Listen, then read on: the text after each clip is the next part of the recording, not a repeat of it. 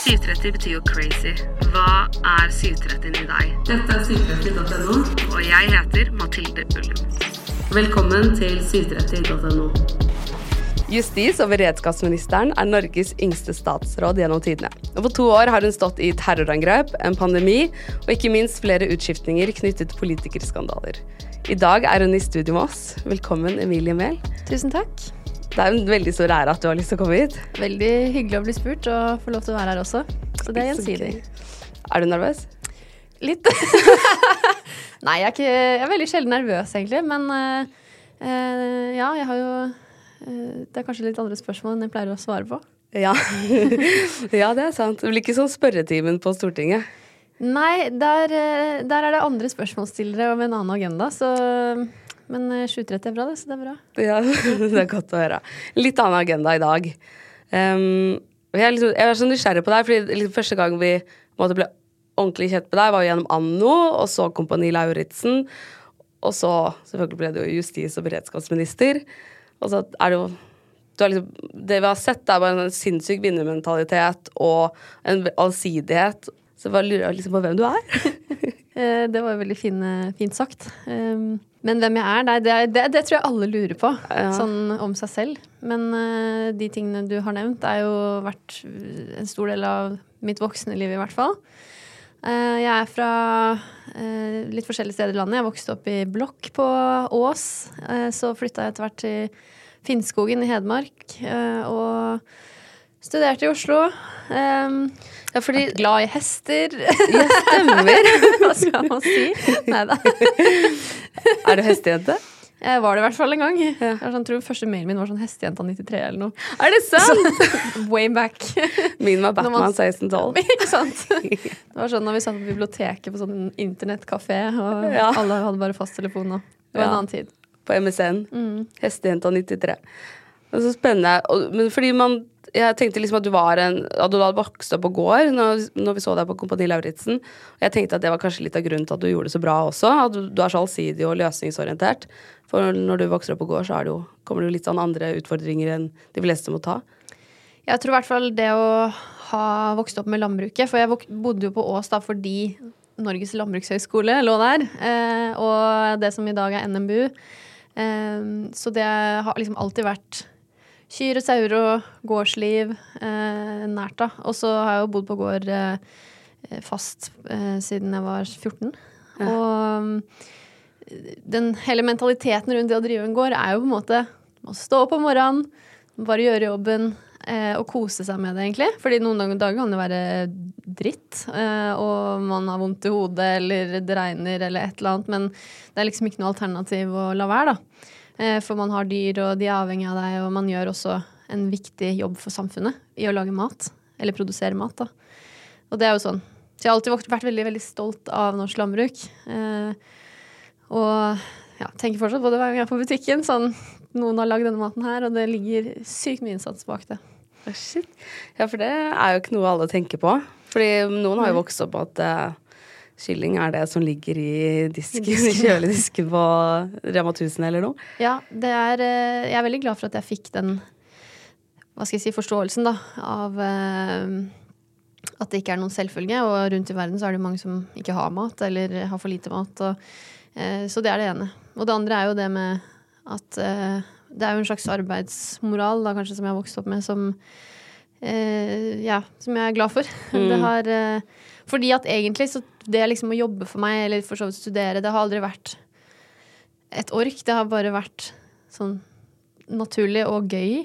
Eh, og uansett hvilken jobb jeg har hatt, f.eks. så jobba jeg på Statoil eh, og eh, på bensinstasjon da, eh, da jeg gikk på videregående.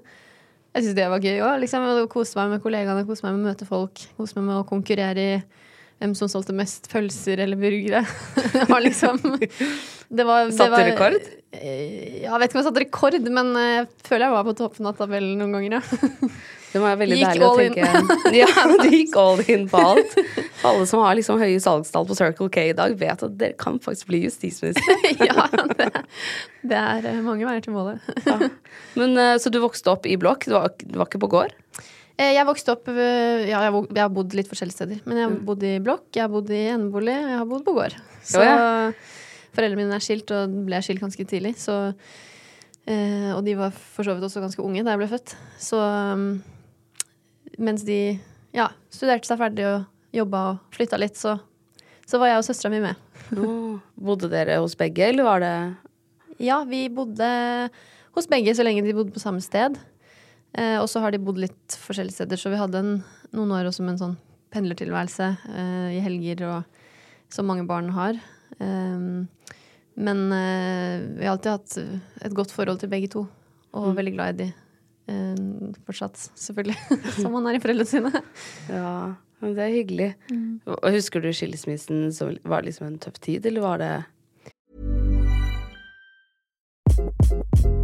Hi, this is Craig Robinson from Ways to Win, and support for this podcast comes from Invesco QQQ. The future isn't scary, not realizing its potential, however, could be. Just like on the recruiting trail, I've seen potential come in many forms as a coach. Learn more at Invesco.com slash QQQ. Let's rethink possibility. Invesco Distributors, Inc.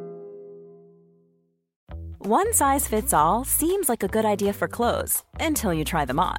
Same goes for healthcare. That's why United Healthcare offers flexible, budget friendly coverage for medical, vision, dental, and more. Learn more at uh1.com. You should celebrate yourself every day, but some days you should celebrate with jewelry. Whether you want to commemorate an unforgettable moment or just bring some added sparkle to your collection, Blue Nile can offer you expert guidance and a wide assortment of jewelry of the highest quality at the best price. Go to BlueNile.com today and experience the ease and convenience of shopping Blue Nile, the original online jeweler since 1999. That's BlueNile.com. BlueNile.com. Eh, jeg husker ikke det så godt, eh, for det skjedde ganske tidlig. Men jeg husker, jeg var, altså jeg husker jo eh, veldig godt bryllupet deres, fordi de gifta seg da jeg var fire. Så det var jo veldig sånn fin ting, da. Og så eh, Ja, husker jeg ikke eh, på en måte sånn akkurat sånn når det ble slutt mellom de, så det har vært veldig vanlig for meg å ha foreldre som ikke bor sammen, som det er for er det ikke omtrent halvparten av eh, barn. Um, så det har liksom gått greit. Men det er jo klart eh, at etter hvert så bodde du et stykke fra hverandre. Og det er jo sånn eh, det, det, blir jo mye reising, da. Så det, man savner jo alltid den man ikke er med. Og det er jo en slags savn å vokse opp med, uansett. Ja. Og når man skal bo på så mange forskjellige steder, så skal du kanskje få litt nye venner og begynne i ny klasse ofte. Ja, eh, det har jeg jo gjort flere ganger. Men jeg bodde Jeg gikk de syv første årene på barneskolen i Ås, og åttende. Og så flytta jeg niende.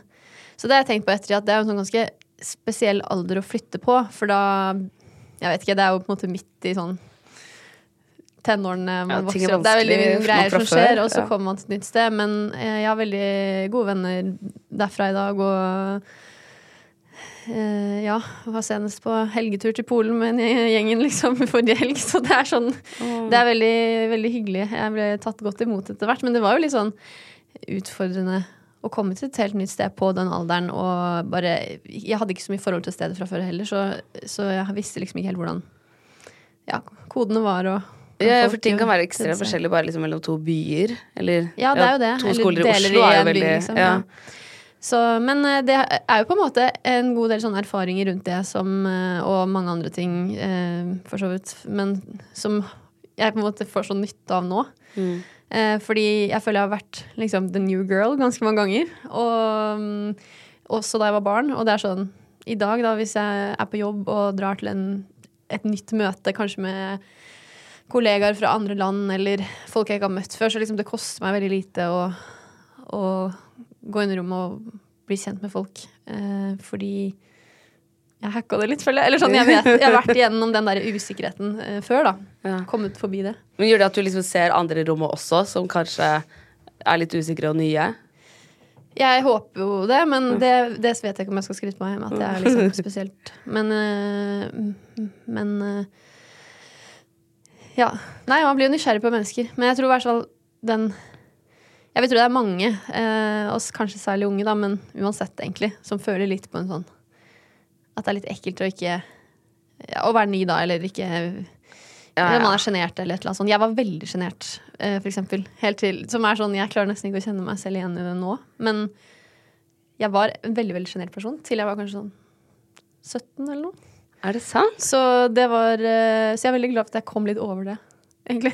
For det kan være litt slitsomt. Ja, ja, jeg kan tenke det, I den jobben du har nå, så vil det kanskje være ganske krevende å være sjenert i den rollen.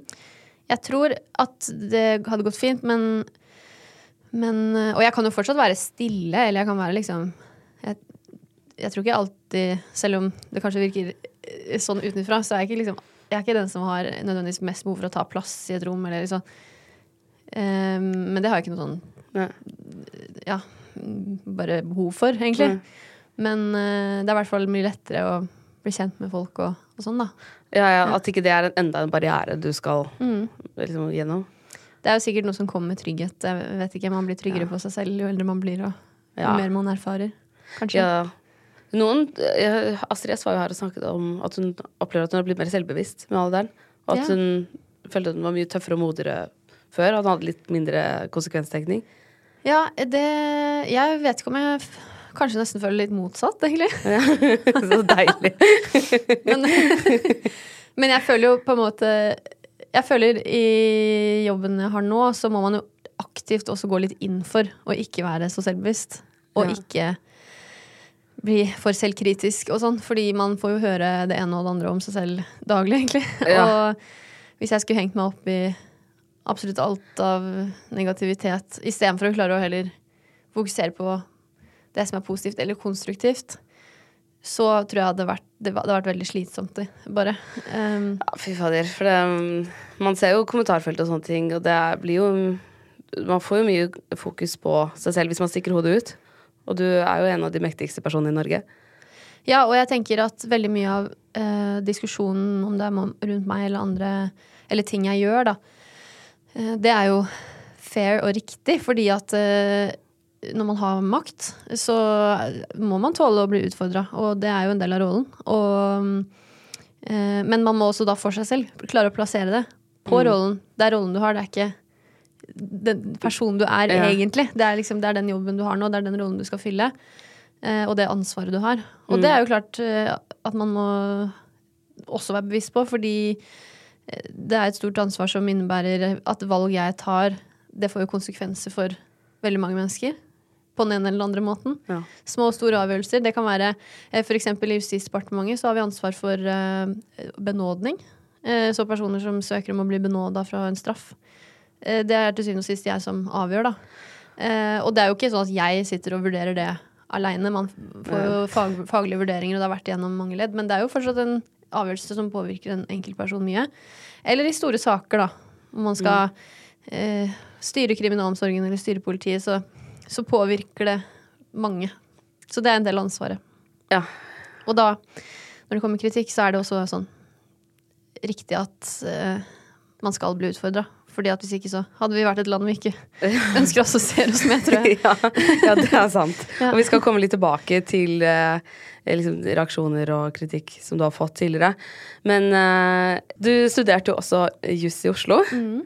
Altså, har du alltid drømt om å bli advokat? Eller det er veldig mye man kan gjøre med juss, da, men Hvis jeg tenker meg tilbake, så eh, har jeg hatt den tanken og den drømmen på et vis en stund. Men da jeg var liten, så jeg var veldig sånn nysgjerrig på veldig mye, interessert i mange forskjellige ting. Så jeg tror jeg kunne ha blitt mye.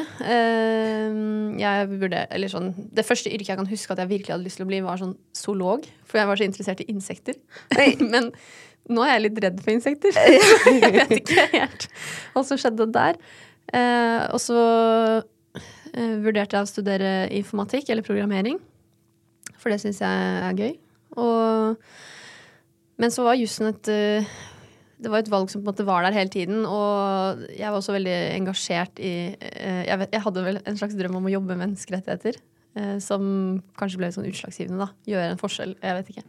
Ehm, så valget falt i hvert fall på jussen til slutt. Og det Ja. Det er jo et uh, yrke som jeg er stolt av, eh, og, og glad for. At jeg, jeg er glad for at jeg tok det valget.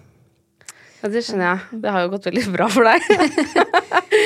Og så og så har jeg jo jeg har jo engasjert meg i politikk eh, litt parallelt og samtidig. Så det er jo også viktig med politikken at man må ikke ha den eller den utdannelsen eller sånn for å engasjere seg, fordi hele poenget er jo at vi er et folkestyre, ikke sant. Så Mm. det skal jo ikke være sånn at hvis du er jurist, da kan du liksom styre ju eh, Ja. justispolitikken. Altså, Men du det må klart- ikke ha statsvitenskap eller juss eller noe i bakgrunnen. Nei, det er jo Det var jo var det ikke akkurat en undersøkelse som viste at regjeringen i Norge var den minst utdanna i verden? Det var sånt. det var noe sånt. Men jeg tenkte når jeg så det, så var det sånn eh, De landene som på en måte hvor alle i regjering da er eh, en del av eliten eller liksom er noe, det er jo De representerer noe annet. Ja, det, det er jo land som også ofte kanskje har eh, litt dårligere demokrati, da, eller um, Så det tenker jeg er positivt, at vi, vi- er, eh, representerer bredden av folket. Mm. Og jeg er jo fra Altså, jeg er den eneste juristen i familien min. Ehm, faren min er bonde, og mamma jobber med økonomisk rådgivning, og det er liksom veldig sånn. Det var ikke helt gitt at det skulle bli sånn, da. Nei. Ja. Herregud, så interessant. Og, ja. Så du vokste opp i Ås, vil eh, jobbe med menneskerettigheter. Begynte på jussen i Oslo. Mhm. Og så så, at du hadde vært uh, trainee på Hjort. Jeg kjenner en som jobber der, og spurte. Ja. henne hvordan det var å jobbe med deg. Oi! Huska hun det? ja. Nei, ja. Hun sa at du var veldig flink. Nei, det var hyggelig, Hun hadde vært veldig imponert, og at Oi. du var veldig på tidlig. Så Jeg sa, hyggelig. ja, det er rått. For der var, jeg, der var en kort periode. Det var egentlig fordi at vi var med i en sånn konkurranse på jusen. Uh, pros I prosedyre, tror jeg. Mm. Hun har også vært det. Jeg elsker konkurranser. Vant du? Eh, jeg tror vi kom på andreplass, kanskje. Jeg Ja. husker ikke helt. Men uh, uansett så var det en veldig fin nei, erfaring. Ja, hun vant. Ja, nei, men uh, det viktigste er ikke å vinne, det er Nei, å delta. tull, ja. nei da, Men eh, det er uansett en sånn Det var fine erfaringer, da. Ja. Eh, jeg var gjort uh, som trainee, og så eh, fikk jeg jobb på Elden. Og det var egentlig på Elverum først. Eh, fordi ja, altså dette eh, Geografigreiene i livet mitt er litt komplisert. så hvis lytterne ikke henger med, så går det fint. Men eh, jeg bodde jo Eller familien min bor på Finnskogen. Eh, og jeg studerte i Oslo, men så hadde jeg veldig lyst til å kunne være hjemme om sommeren. Eh, og være med familien, og bestemoren min bodde der, og kunne være Ja. Eh, så jeg hadde liksom Jeg gikk veldig pessimistisk, egentlig. Tenkte sånn, det er sikkert ikke mulig å oss en relevant sommerjobb her. Men jeg har i hvert fall prøvd det. Så jeg tror jeg kontakta alle advokatfirmaene liksom innenfor halvannen times radius, og så fikk jeg jobb eh, i Elden, som hadde kontor på Elverum da. Så det Jeg husker at jeg ble veldig takknemlig for det. Eller sånn Det løste liksom en stor bekymring jeg hadde da, egentlig. Eh, og det var veldig spennende. Da jobba jeg mye med flyktninger, egentlig. Eh, flyktninger som hadde fått avslag på asyl ofte. Og eh, hadde rett til å få bistand da, til å klage på, eh, på det. Oi, men det må ha vært veldig tungt å jobbe med.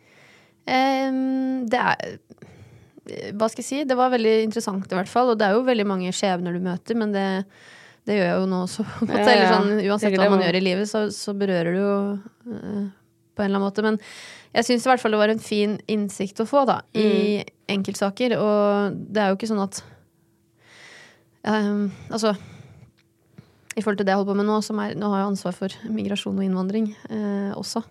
Selv om ikke det er i, i tittelen, så ligger det hos meg. Og da, da er det jo den der, hele den vanskelige balansegangen da, men mellom sånn vi skal hjelpe de som faktisk trenger hjelp, og de som ikke trenger hjelp, de må vi klare å avdekke. Eller de som kommer med feil identitet, eller ja, på en eller annen måte ikke har rett til å være her, de må vi også klare å eh, avdekke, sånn at vi kan sende de ut igjen. For hvis ikke så bryter systemet litt sammen. Så i den rollen der så fikk man jo noen perspektiv på det, da. Mm. Var det sånn da du jobba i Elverum på Elden at du tenkte sånn faen, hvorfor kan ikke Hadde jeg vært justisminister, så hadde jeg bare sagt ja, eller sagt at det var greit, eller sånn. Er det noe du tenker nå som bare Ja, men det var derfor det ikke gikk, eller Mm, jeg, jeg kan ikke huske at jeg hadde den opplevelsen helt, fordi uh, um, Men igjen, dette var veldig tidlig. Altså, det var jo mens jeg studerte at jeg begynte med dette. Og så, og så um, Og i de sakene så er det jo på en måte et spørsmål om Det er mer et spørsmål om um, personen oppfyller vilkårene i loven eller ikke, på et vis, da, for å få være der. Uh, og ikke sånn for min del er loven riktig eller feil. Jeg kan ikke huske at jeg tenkte at dette er liksom helt urimelig nødvendigvis. Eh, Det er jo mer et spørsmål om å klare å bevise da, at, mm. uh, at eh, personen er troverdig, eller historien han forteller om hvorfor de trenger beskyttelse, er riktig. og Sånne ting. Men, jo, men noen ganger så husker jeg tenkte at også personer som ikke fikk være her jeg kan, Selv om jeg ikke nødvendigvis tenker at de burde ha fått vært det, så kan jeg jo skjønne at man er i en desperat situasjon.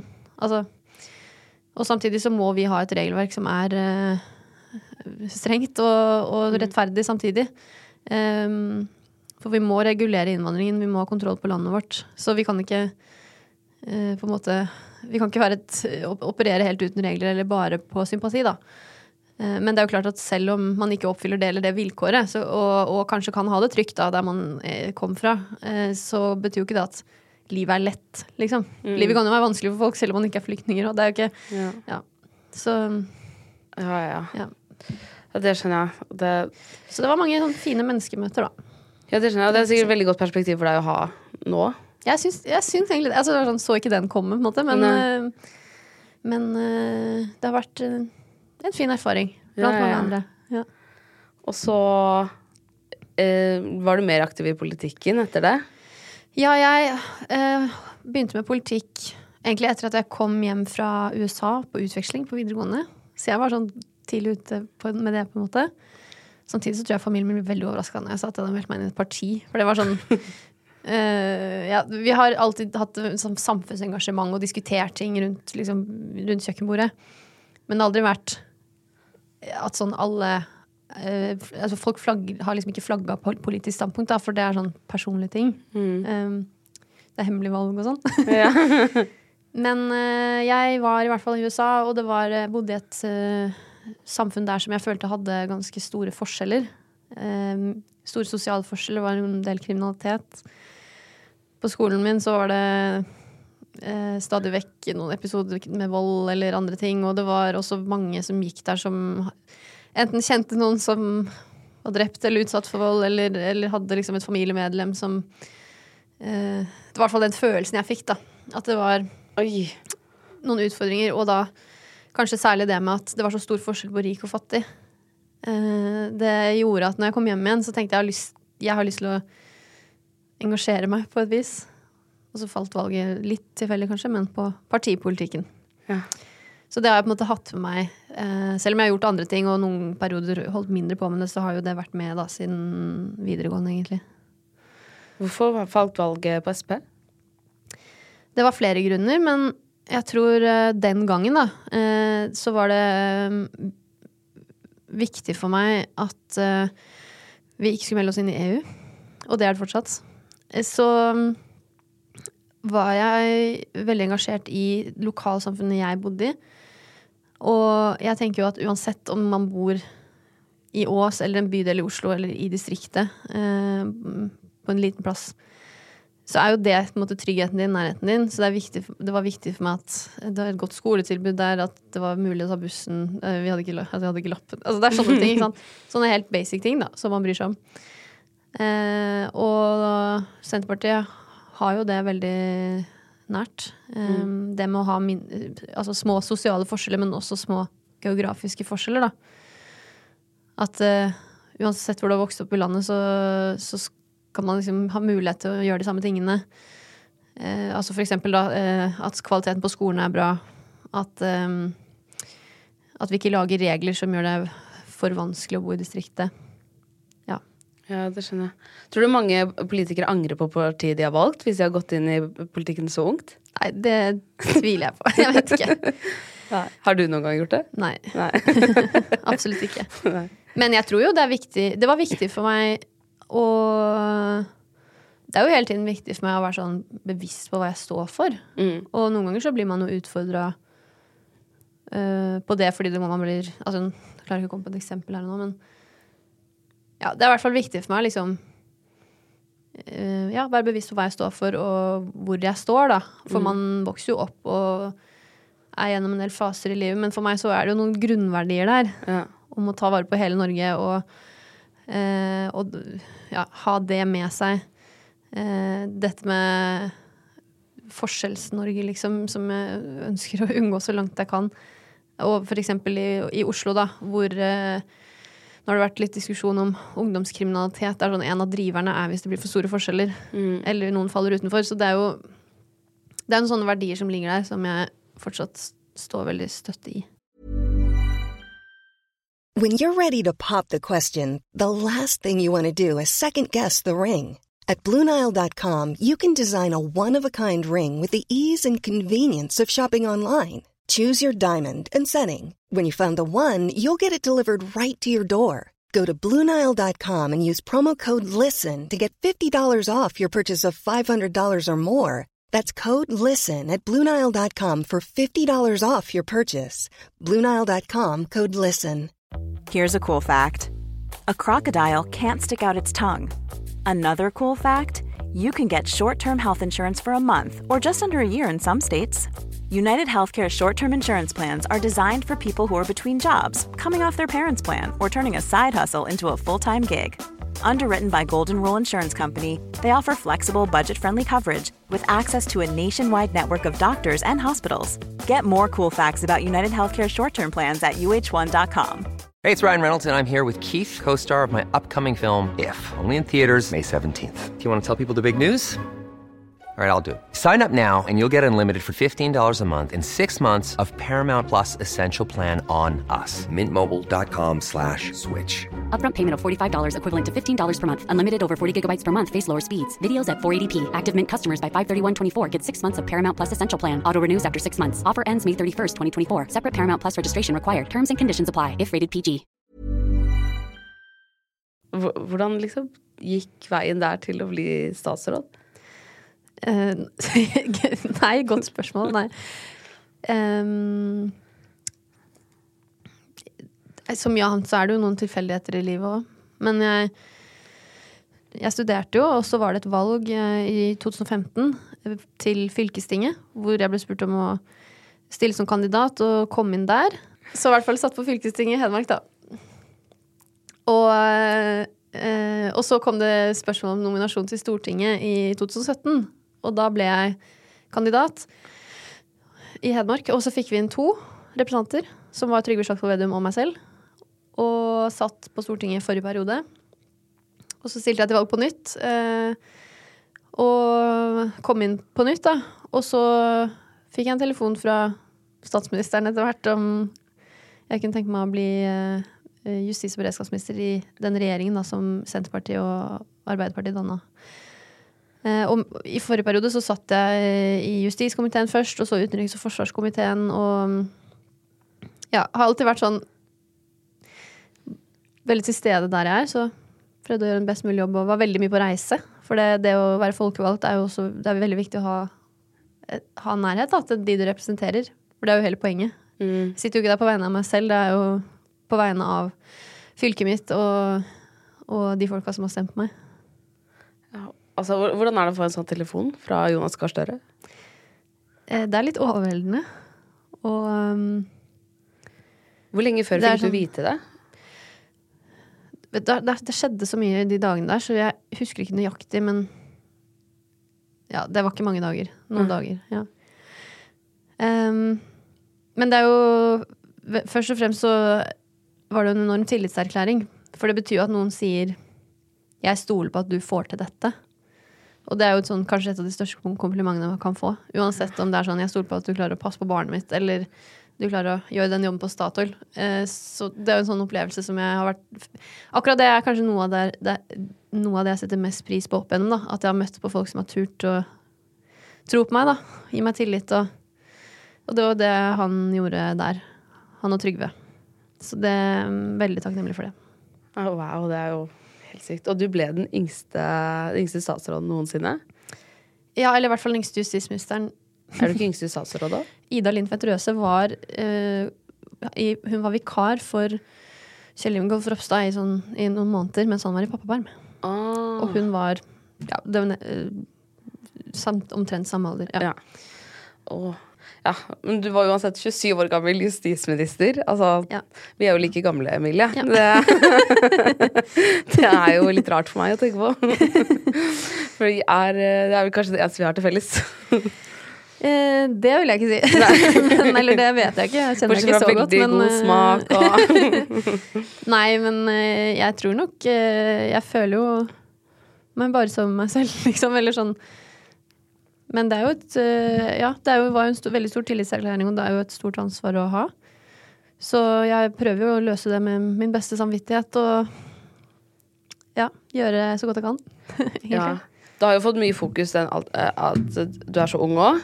Men føler du noen ganger at det kanskje kan være en fordel? Jeg tror nok egentlig at andre har tenkt mer på alderen min enn meg selv. Ja. Hvis du skjønner? At jeg har liksom aldri hengt meg så mye opp i det. Eh, fordi jeg bare Ja, man er jo seg selv, på en måte. Så ja, det er liksom Jeg skjønner Selvfølgelig skjønner jeg jo at det er uh, ungt, det er jo ikke det, men, men eh, jeg er liksom opptatt av å gjøre jobben. Og så kan det jo være noen ganger eh, Om det har med alder å gjøre, det, det er mulig, men at man kan, kanskje tør å kaste seg ut i ting. Eh, apropos det, det Astrid S sa, da, med, at, eh, med å tenke på konsekvenser. Eh, ja, kanskje det blir litt sånn, egentlig. At, eh, at jeg har eh, noen ganger kasta meg ut i ting, så ser jeg liksom et, litt etterpå sånn Oi, det var, det var litt heftig. Men, men der og da så er det liksom pågangsmotet og troen på at dette får jeg til, på en måte. Eller dette går, eller dette skal vi få til sammen, da som vinner. Ja. Istedenfor en sånn redselsfølelse av sånn ja, og hvis du skal gå gjennom liksom, alle mulige utfall ved hvert eneste valg du skal ta i løpet av en dag, så tar det veldig lang tid, sikkert. Ja, man må jo i saker alltid gjøre vurderinger av på en måte hele bredden i en ting, og så lande på det man tror er mest riktig, da. Men i forhold til hvordan jeg på en måte oppfører meg eller gjør eller valg det er sånn, Livet kan jo ta så utrolig mange retninger. Mm. Så jeg tenker jo litt sånn at uansett Det viktigste er egentlig å ha det bra.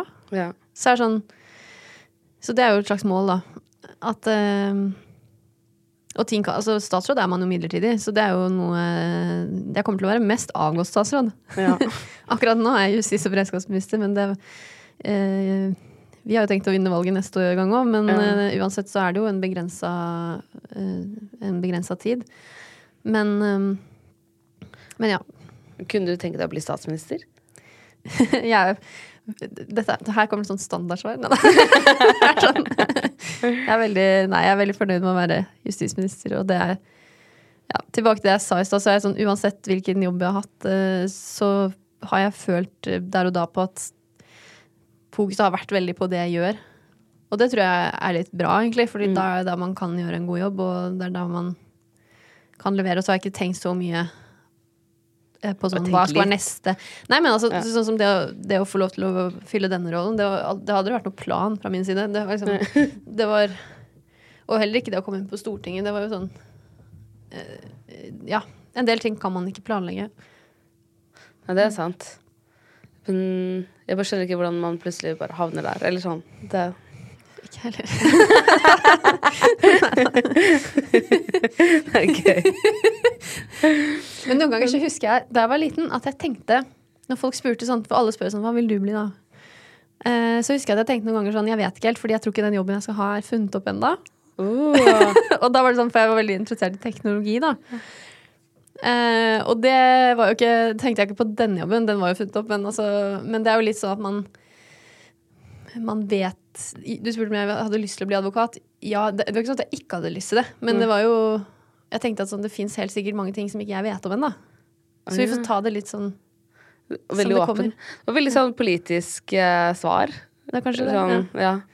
Hilsen Emilie 14. det Politisk korrekt. 14-åring. ja.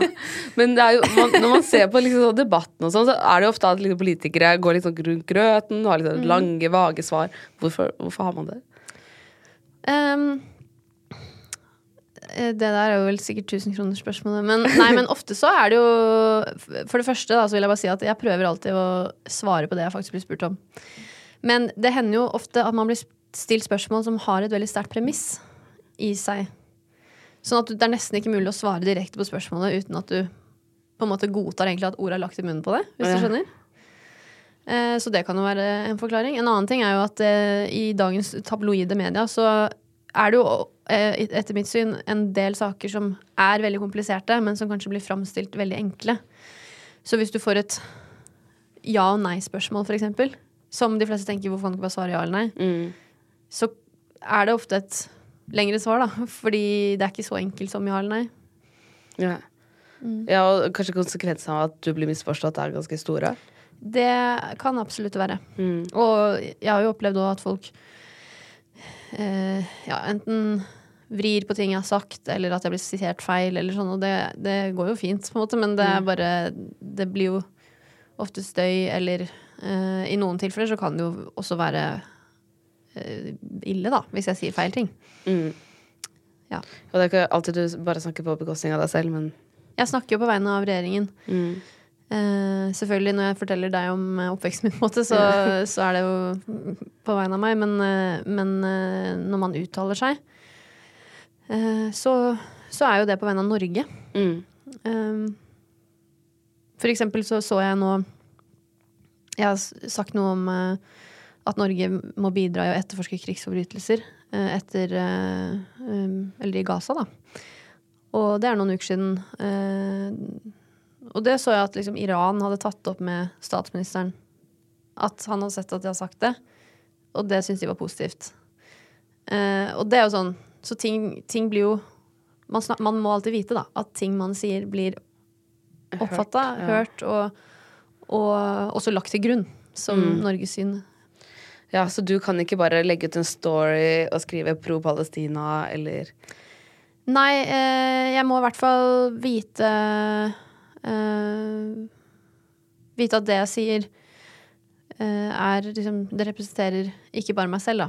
Og, men samtidig, man skal jo også si det som er riktig, men noen ganger så er, kan ting være mer komplisert enn det det kan framstå uh, på f.eks. sosiale medier. Eh, men f.eks. når det gjelder eh, Israel-Palestina-krigen, så Det er en ting som har bekymra meg egentlig siden starta, er jo egentlig nettopp det at her er det en krig som begynte med at uh, Hamas eh, begikk terrorangrep uh, mot Israel. Det har vi fordømt.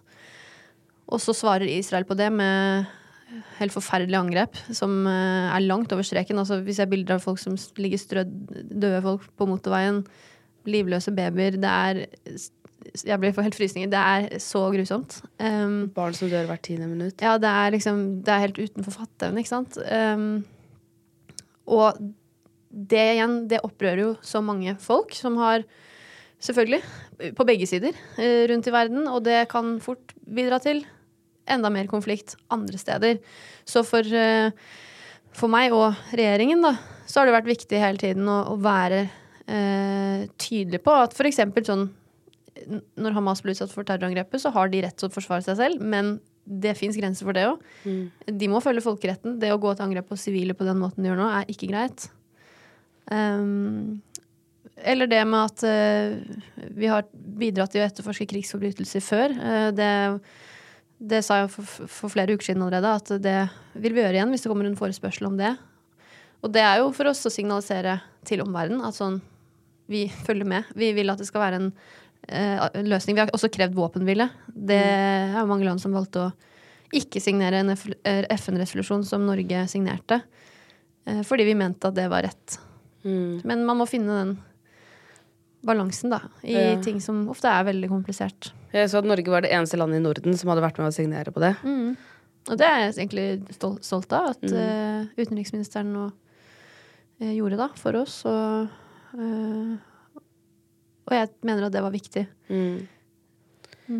Enig i det. Veldig glad for det. Så nå håper jeg at det blir en våpenhvile, da. For det, så lenge den krigen pågår, så Ja, så er det jo sivile som eh, Som sitter i Gaza og og lider, egentlig. Det, det er sånn Jeg syns det er nesten vanskelig å finne riktige ord, for det, er så, det er så enormt. Det er akkurat det det er. Men så sitter vi kanskje nå og tenker sånn det, Kan du stoppe det?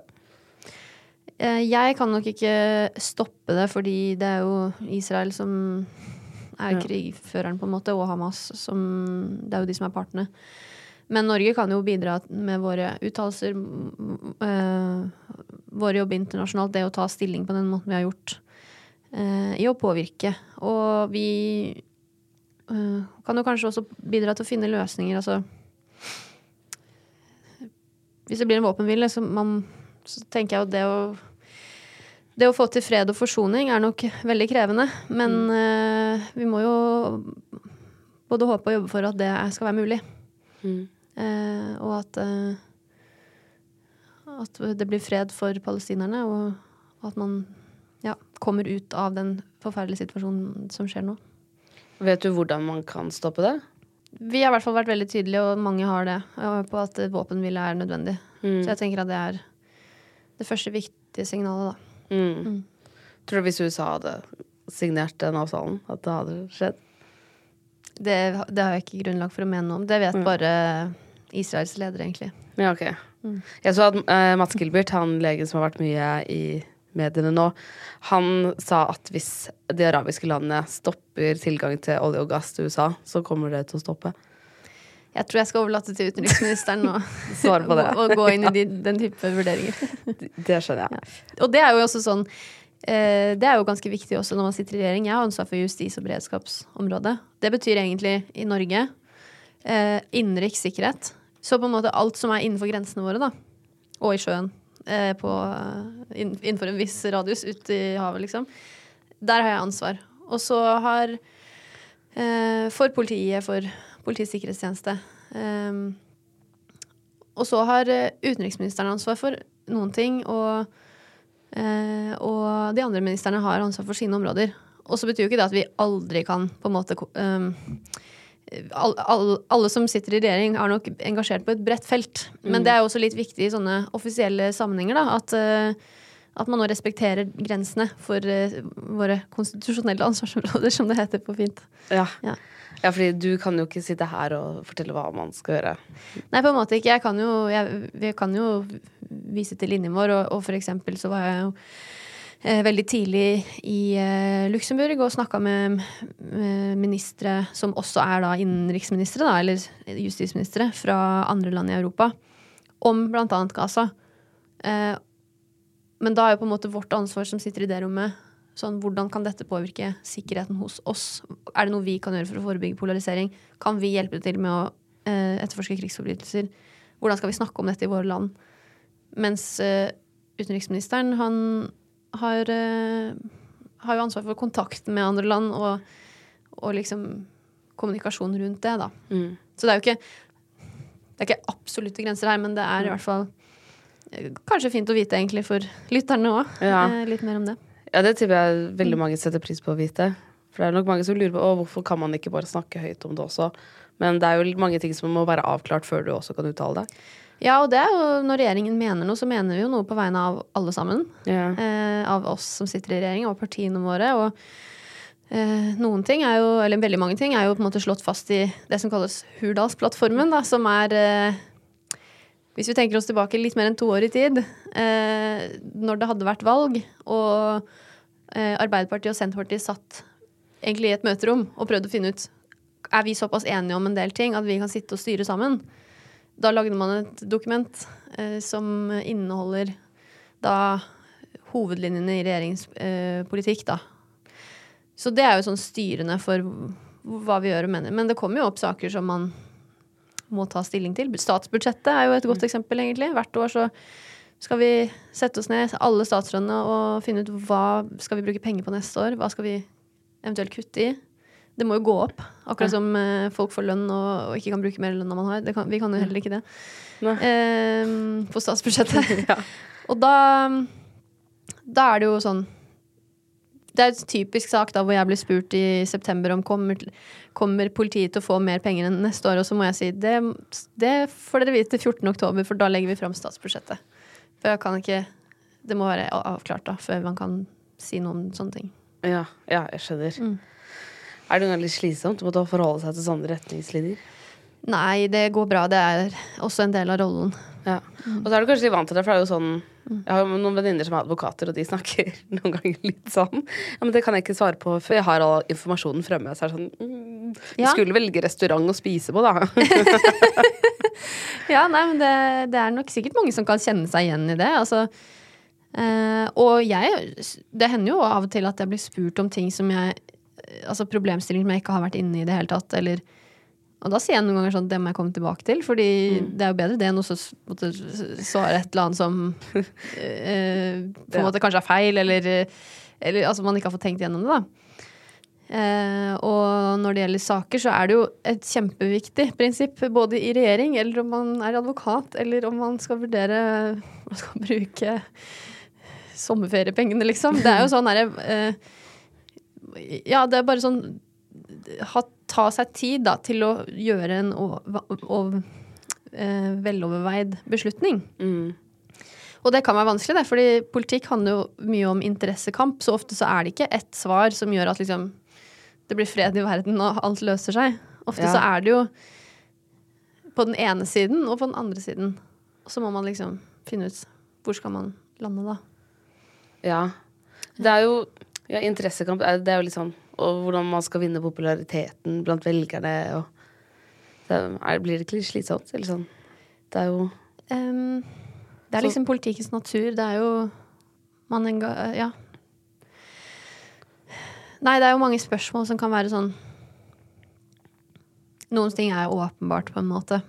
Uh, for eksempel i Norge nå så tenker jeg Jeg ville tenkt da at sånn det at no, man kan ta selvbestemt abort, eksempel. Det er åpenbart. Måte.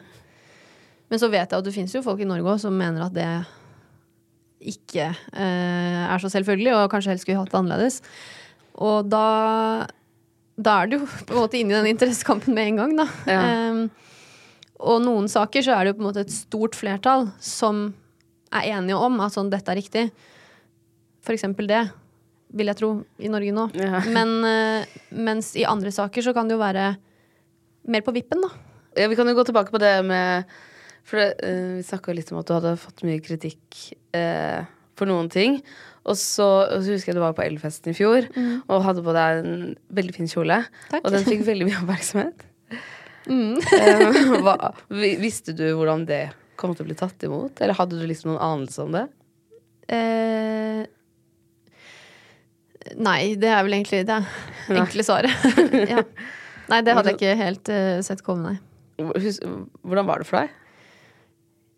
Det var eh, på en måte litt sånn Altså greit, men jeg bare sånn Jeg må, konsentrere meg om jobben min, liksom. Så, ja. så vi, vi fikk jo en god del spørsmål om, om det, da. Um, i, Justisdepartementet så var det litt sånn absurd. Det var sånn her, kom en mail inn i kommunika kommunikasjonsinnboksen. Bare sånn Nei, kan jeg ha en mail, en kommentar til kjolen? holdt på. Ja, det var veldig sånn rart. Men, eh, men eh, fordi det var, det var Det var litt overraskende for meg, da. Men, men nei, det gikk helt fint. Men det er jo klart at det er liksom enda ting man skal gjøre i løpet av en dag, da. Ja. Eh, oppå alt annet. Ja, for det er jo det var, Oppmerksomheten var så rar også. For det var, ja. Men jeg skjønner jo at det er merkelig å sitte i Justisdepartementet og måtte svare på en kjole man har hatt på seg på et event. Jeg tenkte, jeg valgte på en måte å ikke bruke så mye energi på det. Ja. Uh, for jeg hadde, jeg hadde ikke mulighet til det. Nei. Og da var det jo, for det var jo kommentarer om alt fra om jeg hadde meg truse, til sånn, hvor mye den kjolen kosta. Altså, det var bare sånn veldig mye meninger om den.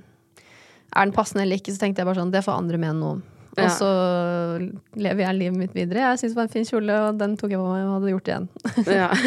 Det var Den er liksom veldig fin. Så det, det var eh, i min Men igjen, da, det er der man må kanskje eh, Noen dager så det, har man ikke noe annet valg enn å klare å liksom filtrere litt på hva man slipper inn på seg, Mm. og hva man må holde på en viss avstand. Eh, og i forhold til den kjoleepisoden, så var det jo noen ting som jeg på en måte måtte forholde meg til. Fordi folk eh, spurte jo eksempel sånn Har du fått den sponsa? Det hadde jeg ikke. Men det er jo sånn spørsmål jeg må på en måte få avklart. At sånn, ikke, altså, ikke lage en sak på at sånn her jeg eh, prøvd å bruke meg selv som reklame, for det var ikke tilfellet. Eh, du kan kanskje ikke ta imot sponset ting? Nei, jeg er veldig nøye på er, Vi fører register over gaver og, og ja, veldig nøye på um, alle sånne Mm. bindinger, da. At det eh, gjøres skikkelig. Ja. Så det er jo på en måte sånne ting som Det er greit, det er saklig å svare på, men den debatten om på en måte Hva slags undertøy man har på Ja, seg. da tenkte jeg bare sånn Det, det får bare prøve å legge det litt ut av, ut hodet. Sånn. Ja. Jeg, vet jeg er veldig sånn Harry Potter-fan, så jeg har ha sånn referanser til Harry Potter. Når du tar ut når du tar ut sånn hjerne. Ja, og humlesnurr tar ut tankene sine i tanketanken. Ja, og putter tenketanken, Ja. Du skjønte det, bare jeg gjorde Ja. sånn er gøy. Jeg har fått en nerd. Ja, så det er en sånn referanse jeg har da, noen ganger. Ja. Tar ut en tanke Åh, og putter den i tenketanken. så- ja. Så kan man hente den tilbake igjen hvis man har tid, liksom. Ja, ja.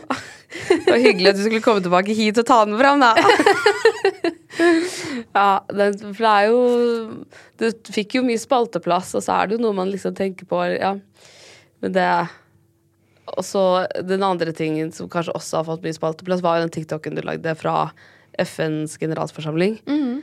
Og, og det var jo Var, var det pga. sangen du hadde brukt? Med Jeg tror det var litt ulik begrunnelse. Ehm, men eh, ja, det var jo også litt sånn overraskende eh, at den fikk så mye oppmerksomhet. Men jeg tenkte at det var bra, fordi den handla om eh, naturkatastrofer og forebygging av naturkatastrofer. Og dette var jo rett før ekstremværet Hans, så den var jo egentlig litt sånn eh, Ja, vi visste jo ikke at han skulle komme da vi var i FN og snakka om det. Og det sto også i videoen, men folk leser jo eh, Kanskje ikke caption, da, hvis det henger seg for mye opp i andre ting. Jeg vet ikke. Men folk, folk får se det du vil se, og ja, høre det du hører. Men eh, ja, jeg tenker sånn, jeg får høre på musikken jeg vil, og Ja. det er ikke Ja. Det er selvfølgelig ikke. Men når man drar Når du drar på uh, FNs generalforsamling, har du liksom venner blant de som sitter der og sånn? Um, fra andre land og Ja, jeg kjente nok ikke så mange i det rommet. Uh, noen ministre fra Europa, kanskje.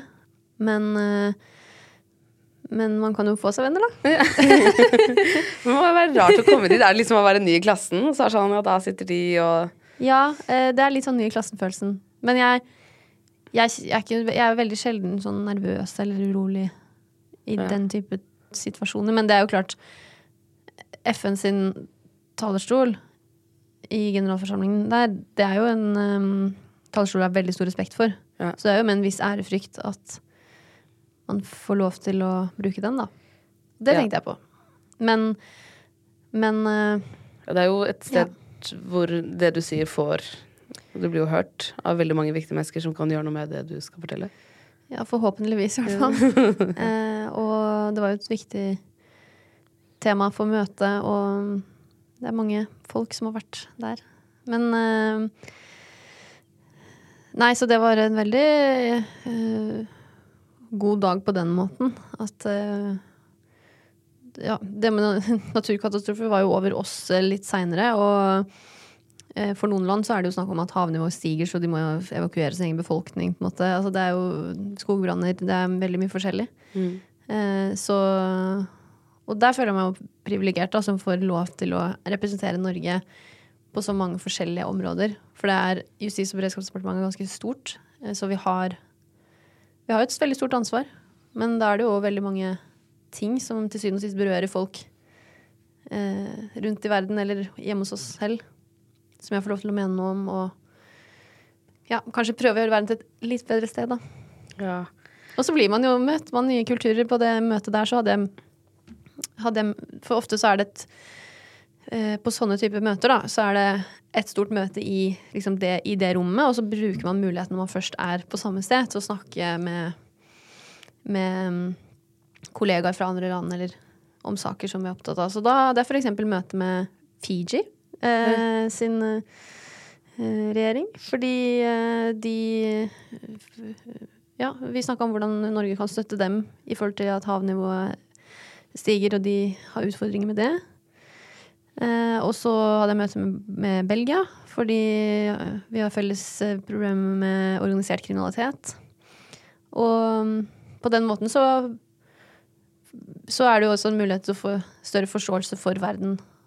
Og ja, hvilke, hvordan, hvordan vi kan både samarbeide bedre, og ikke minst hvordan andre har det. Utrolig spesielle spesiell situasjon å være i, egentlig. Det var morsomt å se det for seg. I mitt hode så ble det litt som det er eh, en stor klasse, og så er det liksom Går på Bare at det er masse land. Vi går på grupperom. Ja, vi går på grupperom og snakker om hvordan vi skal løse sånn og sånn. Og, Ja, det blir litt sånn. Også, så for vi, alle er jo på farten og på travle og, og liksom er på reisefot, da. Så når man først er I dette tilfellet var det New York. Eh, og da, da er det jo veldig nyttig å bruke muligheten til å snakke sammen. Ja, selvfølgelig. Er det sånn hvis du reiser deg Du sa at du var i Polen nå nylig. Er, er det sånn Spør om noen justisministeren der, eller vil møtes, eller Eh, akkurat eh, da jeg var i Polen, så var jeg faktisk på ferie. Ja. Og det var, det var også en blåtur, så det var egentlig hemmelig hvor vi skulle. Er det Det var ikke jeg som arrangerte det. det er tips til andre vendinger. Det er gøy, det. Ja. Sånn, Oi, så gøy, så du ante ikke hvor du skulle? Du hadde bare med deg en ja, jeg hadde fått Ja, du Ja, må jo kanskje hadde, jeg måtte, jeg måtte uh, få vite det fordi jeg skulle til København rett etterpå. Så jeg ja. måtte liksom klare å legge opp logistikken. Ja. Nei, det, er så, det er så spennende å høre og tanker rundt eh, rollen din, og det er jo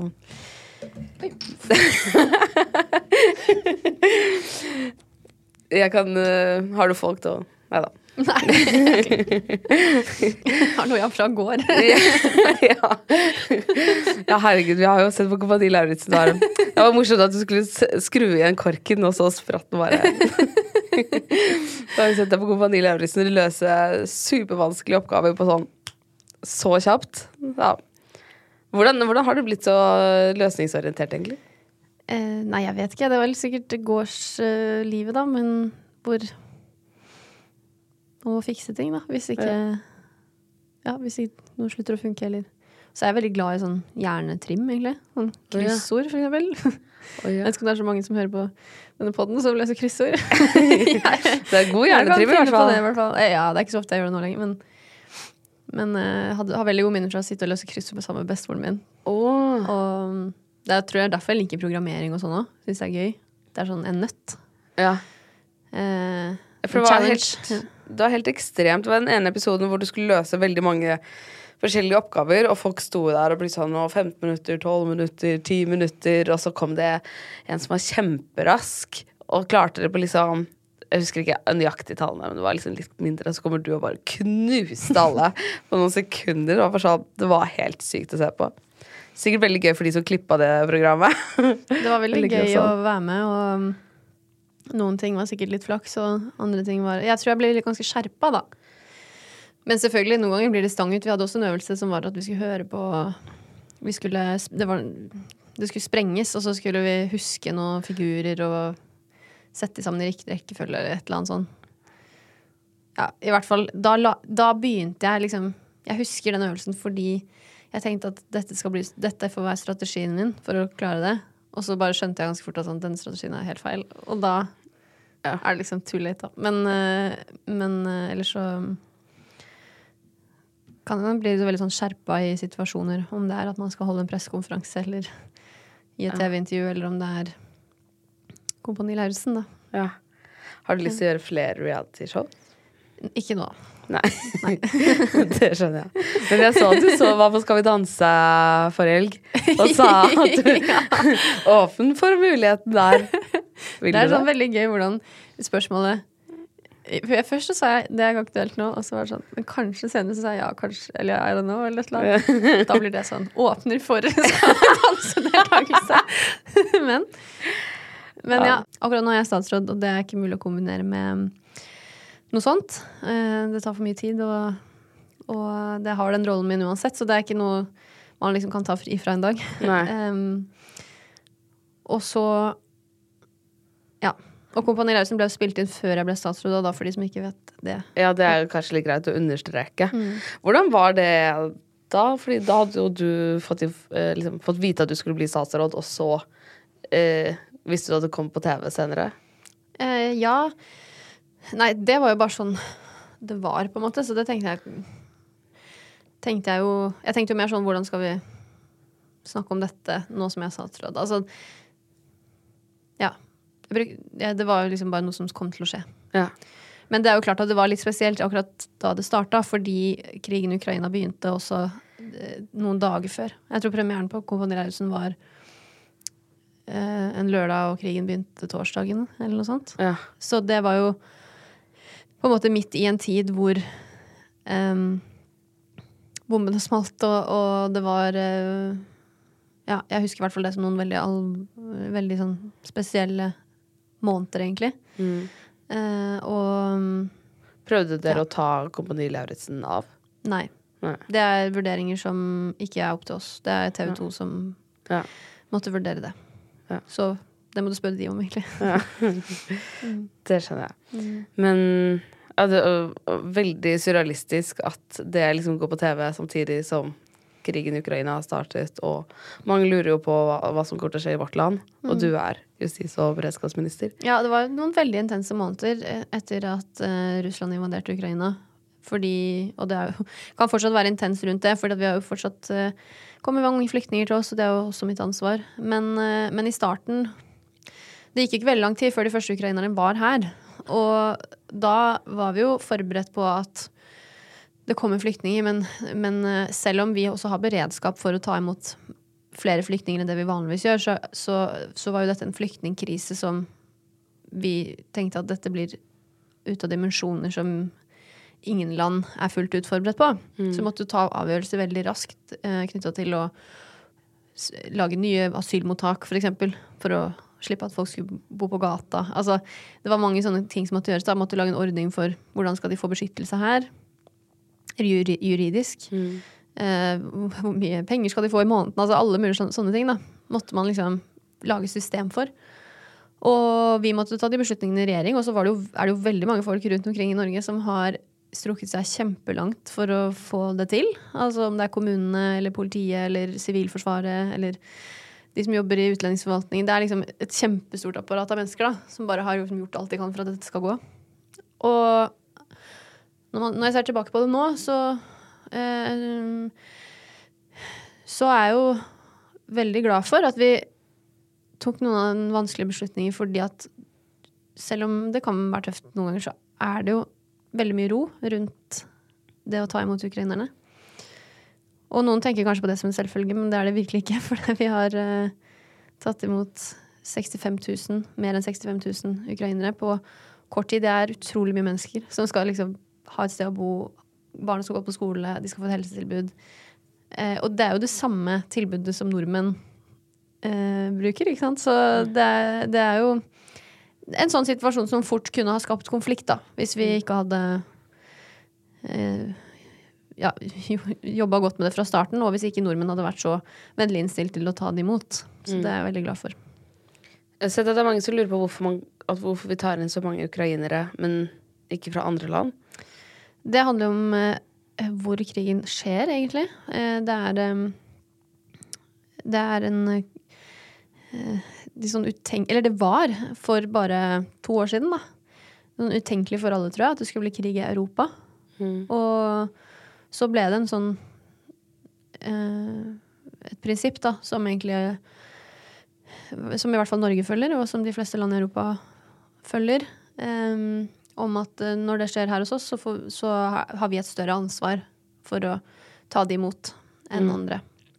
Og det er jo kanskje òg eh, grunnen til at sånn når vi snakker om migrater fra andre land Vi tar imot kvoteflyktninger, f.eks., og vi behandler alle asylsøknader for folk som kommer hit. Men vi mener jo òg at det er viktig å gjøre tiltak for å eh, hjelpe de regionene hvor det er mange flyktninger, f.eks. Midtøsten, som allerede før, før Gaza-situasjonen hadde mange flyktninger.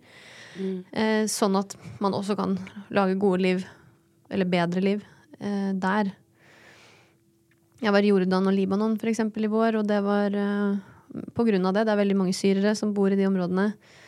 Og vi kan, eh, vi kan ta noen av de hit, men det, ikke, det er jo flere millioner.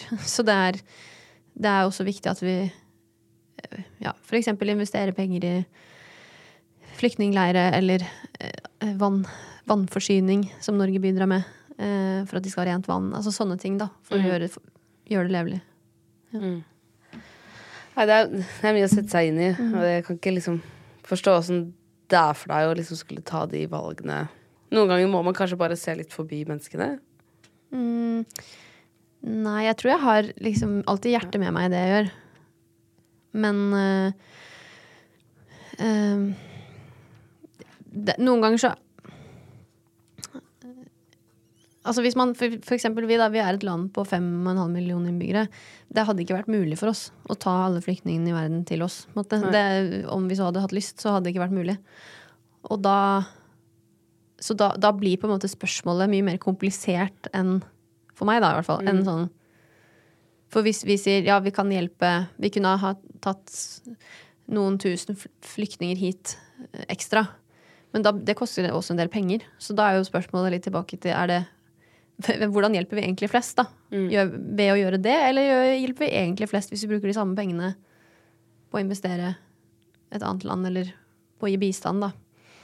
Så det er jo sånne spørsmål som Egentlig et eksempel på et spørsmål som ikke har. Det er ikke et, det er ikke et svar med to streker under, og det er eh, eh, heller ikke så enkelt, da, som det kanskje kan bli framstilt noen ganger.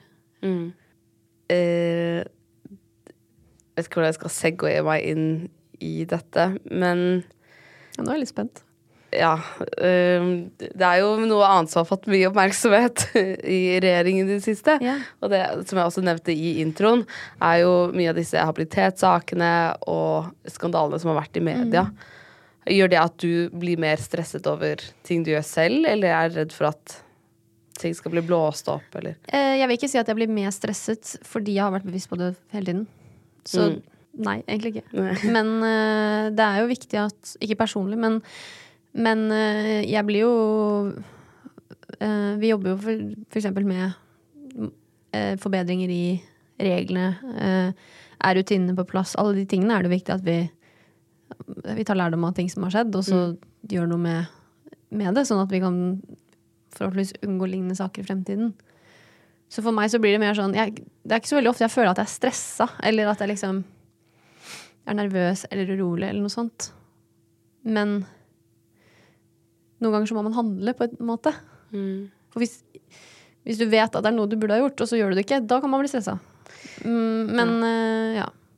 Men for min egen del så er det jo ting jeg har tenkt på fra start, og så er det jo altså Ja. Nei, vet, det er sånn jeg tenker om det, egentlig. Ja, det skjønner jeg. Du skal jo være her litt til, Emilie. For nå skal vi gå inn på spørsmålsrunden, men den kommer ikke før på torsdag. Så da sier jeg tusen takk for nå. Takk i like måte. Ha det fint.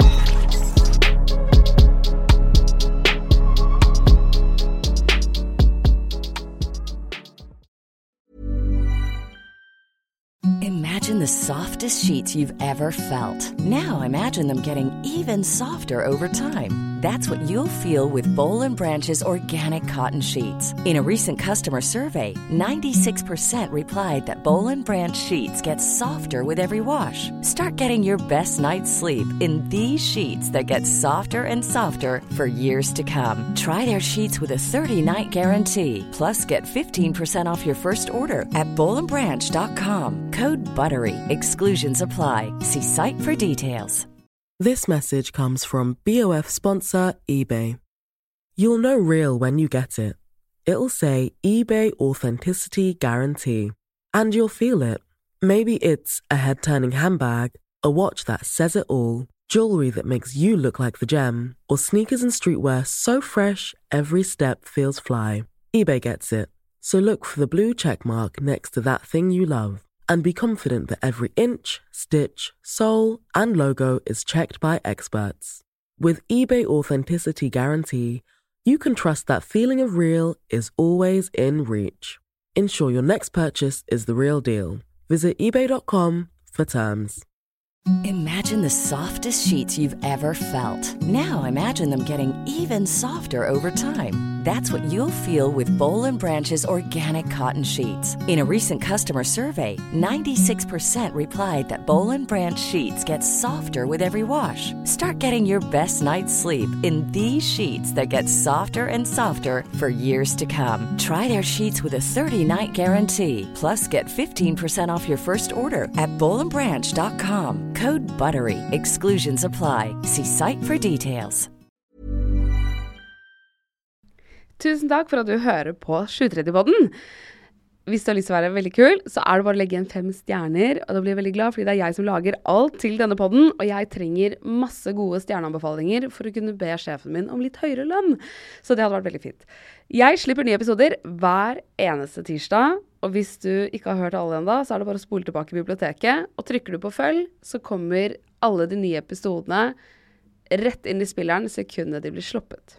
Send meg gjerne en DM hvis det er noen du har veldig lyst til å ha som gjest. Og husk at vi alltid poster spørsmålsrunder på Instagram Story, så da kan du få med spørsmålet ditt i neste episode hvis du vil det. Ha det bra.